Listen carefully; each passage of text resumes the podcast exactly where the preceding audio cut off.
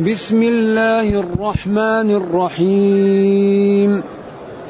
الحمد لله الذي خلق السماوات والأرض وجعل الظلمات والنور. ثم الذين كفروا بربهم يعدلون. هو الذي خلقكم من طين ثم قضى أجلا وأجل مسمى عنده ثم أنتم تمترون وهو الله في السماوات وفي الأرض يعلم سركم وجهركم ويعلم ما تكسبون الحمد لله الحمد لله الذي أنزل إلينا أشمل الكتاب وأرسل إلينا أفضل الرسل وجعلنا خير أمة أخرجت للناس. فله الحمد وله الشكر على هذه النعم العظيمة والآلاء الجسيمة. والصلاة والسلام على خير خلق الله وعلى آله وأصحابه ومن اهتدى بهداه. أما بعد فإن هذه السورة تسمى سورة الأنعام. وهي السورة السادسة في ترتيب المصحف والثانية من السور المكية وهي سورة مكية طويلة والعادة أن السور المكية تكون قصيرة ولكن جاءت طويلة ويقال إنها نزلت في ليلة واحدة يشيعها سبعون ألف ملك يقال يقال هذا. لا أعرفه ثابت ثابتا. وهي جاءت لتحقيق التوحيد. وأخذ الكافر بالأدلة وبالجدل وبالحجج التي بها تسكت المخالف. نعم. وسميت سورة الأنعام لأن الله ذكر فيها الأنعام. ثمانية أزواج ومن الأنعام حمولة وفرشا يعني ذكر فيها الأنعام عدة مرات فسميت سورة الأنعام. والسور جاءت بدايتها على عشر أشكال تقريبا. بعضها يبدأ بالحروف المقطعة. وهو إيماء إلى الإعجاز. ألف لام ميم ألف لام ميم. هذا إيماء إلى إلى الإعجاز. وبعضها يبدأ بتقديس الله وتسبيحه. الحمد لله سبحانه وبعضها يبدأ بفعل مضارع يسألونك. وبعضها يبدأ, بفعل ماضي. عبس وتولى. يعني وهذا تنويع دلالة على جمال هذا الكتاب وحسنه وأنه معجز. يأتي بأشكال ويأتي بأنواع وهو من كلامنا ومن أسلوبنا ومع ذلك عجز الخلق أن يأتوا بمثله. فهو معجزة قائمة إلى قيام الساعة. لذلك هذا الدين دين لا يقاوم إلا بإبعادنا عنه. لا يقاوم هذا الإسلام إلا بإبعاد المسلمين عنه أو عدم السماح لهم ببيانه. فإذا فهم المسلم الإسلام وبينه لا يقاوم. أبدا لا بد أن يعلو. بسم الله الرحمن الرحيم. تقدم الكلام فيها وتقدم الكلام في السورة. قلنا إن السورة إما من السور ومن البقية أو من المنزلة. السورة. اشتقاقاتها ثلاثة. إما من السور وهو المنزلة لأن المسلم إذا درس سورة زاد منزلة. ألم ترى أن الله أعطاك سورة؟ ترى كل ملك. أو من البقية. كأنها جزء من القرآن وبقية منه. ومنه بانت. فبانت وقد أسأرت في الفؤاد أبقت في الفؤاد بقية على نائها. أو من السور لأن البسملة تسور السورة في أولها وآخرها فكأنها هذه البسملة تسور السورة. وبسم الله الرحمن الرحيم هذه اختلف فيها العلماء اختلاف لا نهاية له. من من قال إنها سورة من الفاتحة. ومنهم من قال إنها سورة معناها آية من الفاتحة. ومنهم من قال إنها آية مستقلة. ومنهم من قال إنها جزء من آية. ومنهم من قال إنها ليست آية وليست من القرآن. وأحسن ما يجمع به أن البسملة في بعض القراءات من القرآن وفي بعض القراءات ليست من القرآن. هذا أحسن شيء. كالواو من وسارعوا فإنها في قراءة عاصم وسارعوا إلى مغفرة وقراءة نافع سارعوا إلى مغفرة من ربكم. جنات تجري تحتها الأنهار. جنات تجري من تحتها الأنهار. يعني إذا تكون البسملة في بعض القراءات من القرآن وفي بعض القراءات ليست من القرآن فمن قال ليست من القرآن نظر إلى تلك القراءة ومن قال هي من القرآن نظر إلى تلك القراءة. ويكون هذا جمع بين الأقوال. كالواو في وسارعوا. قراءة نافع سارعوا إلى مغفرة من ربكم جنات تجري من تحتها الأنهار جنات تجري تحتها الأنهار وكل منهم قراءة سبعية لا غبار عليها. كذلك تكون البسملة من القرآن في هذه القراءة وفي هذه القراءة ليست من القرآن. وباسم أي بتسمية الله الذي عمت رحمته جميع الخلق وخص المسلمين برحمة خاصة. الحمد لله. الحمد هو الثناء بالجميل. الحمد. فيه الحمد وفيه الشكر وفيه المدح. فالحمد والشكر يتواردان. ولذلك قال الطبري الحمد لله شكرا. فجعل شكرا ما نابع عن المطلق من الحمد. فالحمد هو الثناء بالجميل. للمتصف بالصفات الجميلة.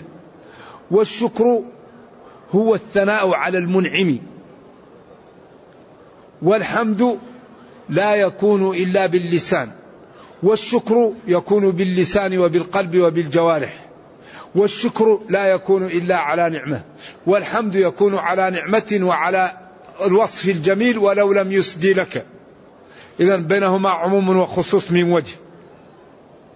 فالحمد أعم لأنه يكون على النعمة وعلى الصفات الجميلة ولو لم يسد لك. والشكر أعم من جهة لأنه يكون باللسان وبالقلب وبالجوارح. والحمد أخص لأنه لا يكون إلا باللسان. والشكر أخص لأنه لا يكون إلا على نعمة. إذا كل من جهة بينهما وخصوص من وجه. نعم. والفرق بين المدح والحمد والشكر هذا يبحث في شيء يسمى الفروق اللغوية. الفروق اللغوية ألف فيها بعض العلماء منهم أبو هلال العسكري. أي وله الفروق وغيره. وهو باب من أبواب اللغة جيد ومن باب يعني حتى إن بعض العلماء يقول لا ترادف في اللغة لدقتها وإنما كل كلمة قريبة من كلمة تبينها ولكن بينهما بعض الفروق. الله الحمد لله. أي الثناء بالجميل للمعبود بحق. الله هو المعبود بحق. إذا الحمد لله الثناء بالجميل للمعبود بحق. الله هو المعبود بحق. ولذلك هذا اسم خاص بالله. قالوا اللات العزى لكن الله هذا علم على الذات المعبودة بحق. نعم. الثناء بالجميل للمعبود بحق الذي خلق السماوات والأرض. خلق اوجد على غير مثال سابق. الخلق يقال للتقدير ويقال للإيجاد. السماوات ما تروها والأرض التي نحن عليها. ولذلك من أكبر أسباب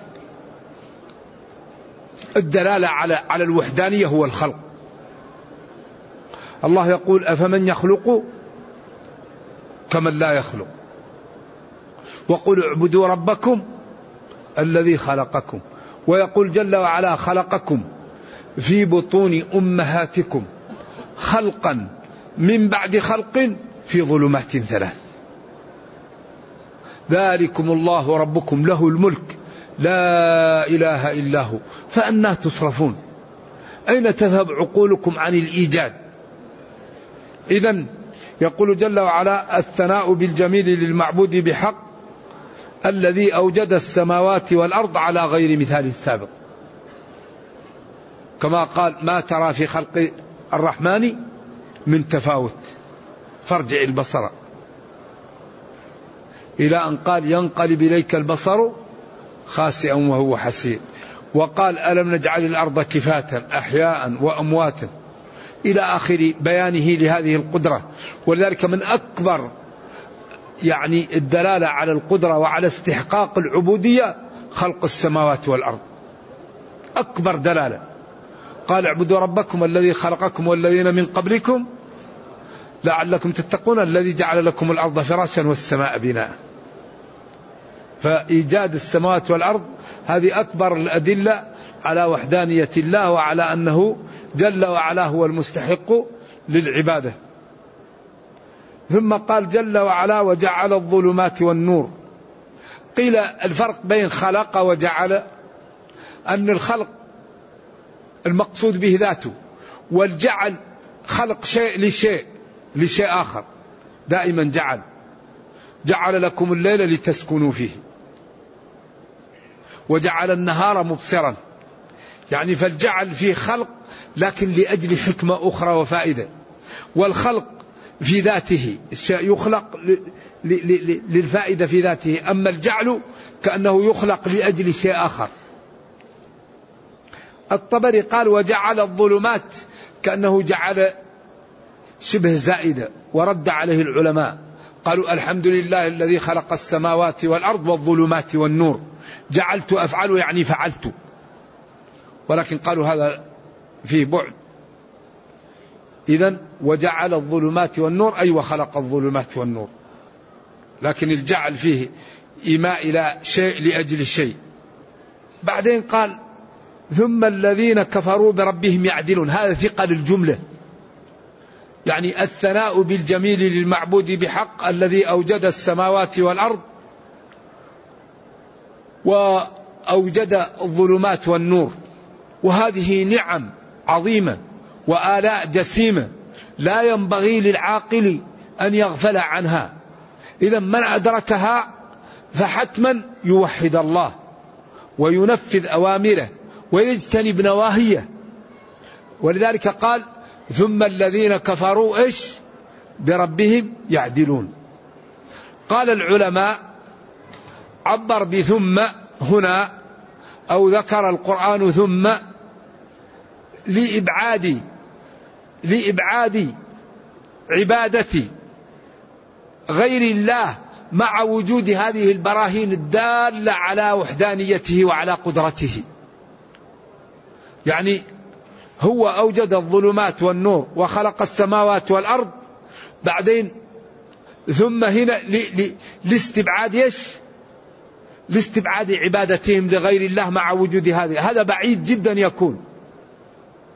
لأن ثم أصلها تعطف الجملة على الجملة لكن لتراخي بينهم. تقول جاء زيد ثم محمد يعني محمد جاء بعد زيد بمدة من الزمن. إذا في فاصل بعد. فهنا ثم الذين لإبعاد تصور عبادة هؤلاء لغير الله مع وجود الخلق من الله. خلق السماوات والأرض وخلق الظلمات والنور. لأن هذه النعم وهذه القدرة لا ينبغي للعاقل أن يصرف يعني حق الله لغيره مع وجود هذه الأدلة والبراهين الساطعة. إذا الثناء بالجميل للمعبود بحق الذي خلق أوجد السماوات والأرض وأوجد الظلمات والنور على غير مثال سابق. فالسماوات هذه كأنها لنا زي السقف والأرض كأنها زي البساط لنا والظلمات ننام فيها والنور نتحرك فيه. قل أرأيتم إن جعل الله عليكم الليل سرمدا إلى يوم القيامة؟ من إله غير الله يأتيكم بضياء. قل أرأيتم إن جعل الله عليكم النهار سرمدا إلى يوم القيامة؟ من إله غير الله يأتيكم بليل تسكنون فيه. ومن رحمته جعل لكم الليل. وجعل لكم النهار لتسكنوا في الليل ولتبتغوا من فضله في النهار. نعمة عجيبة هذه النعم وقدرة هائلة حري بأن يتدبرها العاقل ثم إيش؟ ثم بعد ذلك يمتثل الأوامر ويجتنب النواهي ولا يعدل بربه أحدا. ثم الذين كفروا بربهم يعدلون يعدلون للعلماء فيها قولان. يعدلون يميلون عن عبادة الله أو يعدلون يسوون غير الله بغير الله. كما قال يحبونهم كحب الله أو يعدلون عدل عن الطريق إذا مال. ثم الذين كفروا بربهم يميلون بالعبادة عن الله ويجعلونها في الأصنام أو يسوون الأصنام بالله. هو أي الله الذي خلقكم أوجدكم لا غيره. هو الذي خلقكم. هذا في قصر. هو تعبير به هو الضمير. والخبر الذي خلقكم. لا غيره. يعني فيه نوع من القصر الضمني أي لا غيره. بعدين من طين. من طين للعلماء فيه قولان. القول الأول أن النطفة أصلها طين. القول الثاني أن آدم خلق من طين وأن أصلنا آدم. ثم قضى أجلا.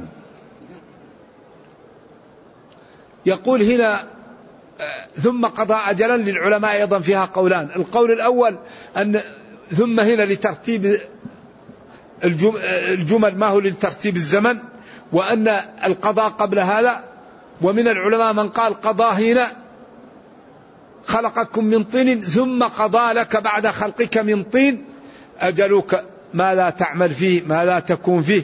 يعني كتب لك حياتك ورسمها لك. ما هو المقصود به التقدير الذي هو الكوني وإنما مقصود به ما تفعل في حياتك وتكون ثم على بابها هنا. ترتيب فعلي. أجلا وأجل مسمى عنده ثم أنتم تمترون. للعلماء أقوال كثيرة في أجل وأجل مسمى عنده. والأجل الأول من بداية الحياة إلى الموت. من قبل الحياة ووجود الحياة إلى الموت. الأجل الثاني من بعد البعث إلى ما لا نهاية. وقيل غير ذلك الأجل الأول ما قبل الخلق ثم الأجل الثاني ما بعد الخلق. أو الأجل الأول النوم والأجل الثاني الموت. أقوال لكن هذا أقوى شيء. ثم أنتم تشكون مع هذا أيضا نفس ثم السابقة. ثم أنتم تشكون تمترون مع وجود هذه الأدلة.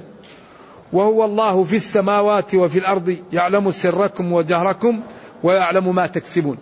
هذه الآية للعلماء فيها ثلاثة أقوال وكل واحد يدل عليه القرآن.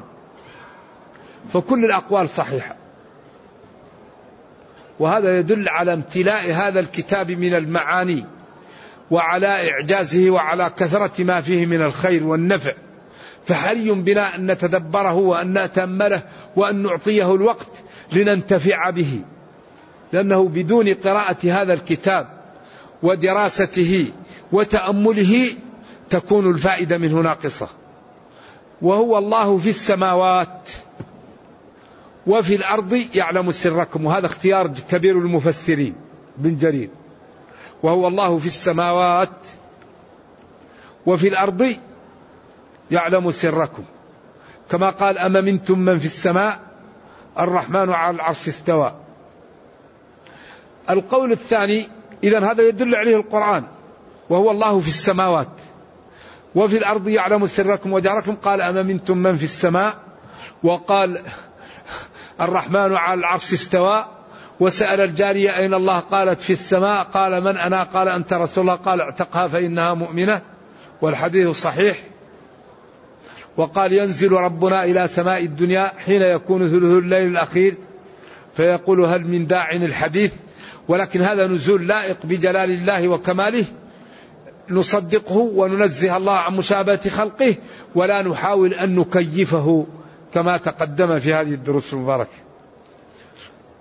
القول الثاني وهو الله في السماوات وفي الأرض يعلم سركم وجهركم.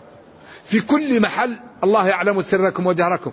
كما قال وما تسقط من ورقة إلا يعلمها.